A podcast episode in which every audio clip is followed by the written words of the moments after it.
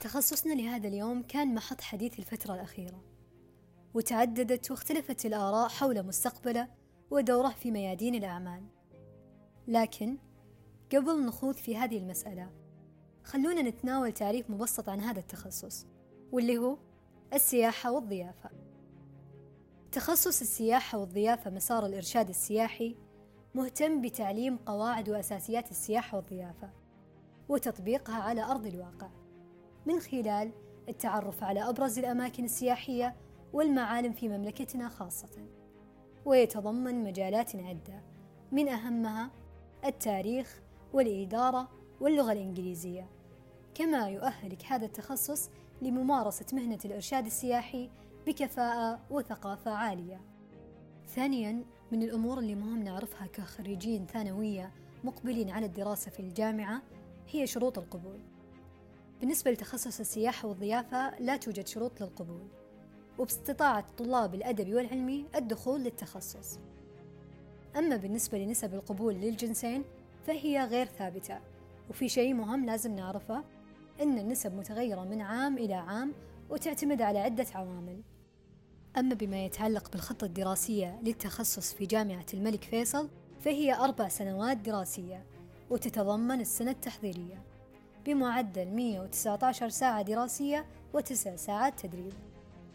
وطبعا التدريب يكون بالمواقع السياحية لممارسة العمل كمرشد أو مرشدة سياحية والتعرف على أبرز أدوات الإرشاد وتطبيقها.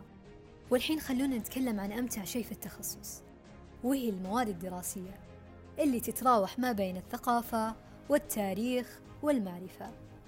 وممكن أن إحنا نقسمها على أربعة أقسام رئيسية. واحد إرشاد سياحي.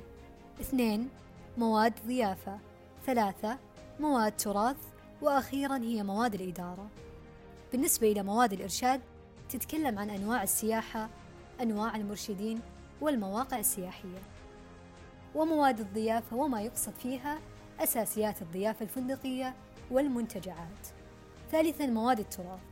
وتتضمن التراث المادي والمعنوي. مثل عندنا التراث الحضاري والعمراني والطبيعي. وأخيرا مواد الإدارة وهي اللي تتكلم عن إدارة الفعاليات إدارة المجموعات إدارة الحج والعمرة تصميم وإدارة برامج الإرشاد السياحي. خلونا الحين نتكلم عن المسألة المهمة وهي المستقبل الوظيفي. طبعا كلنا واجهنا الأشخاص اللي توقف في طريق أحلامنا وطريق مستقبلنا وتردد عبارة واحدة فقط. تخصصك ما له مستقبل.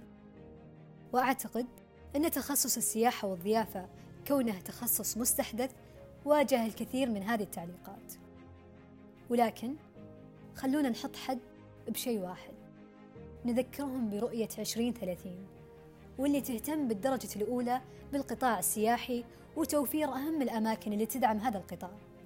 على سبيل المثال عندنا العمل في الأماكن السياحية كمرشد سياحي مكاتب السياحة والسفر كمنظمة ومصممة برامج سياحية الفنادق والمنتجعات فيها العديد من الوظائف منها المكاتب الأمامية والمكاتب الداخلية.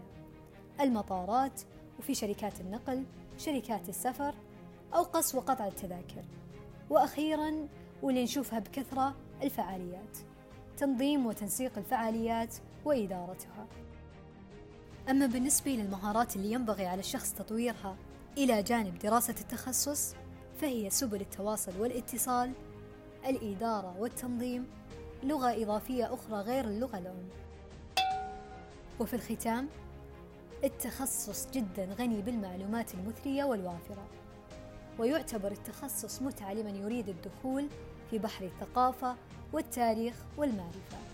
وأخيرا الاستمتاع بتجربة السفر على مقاعد الدراسة.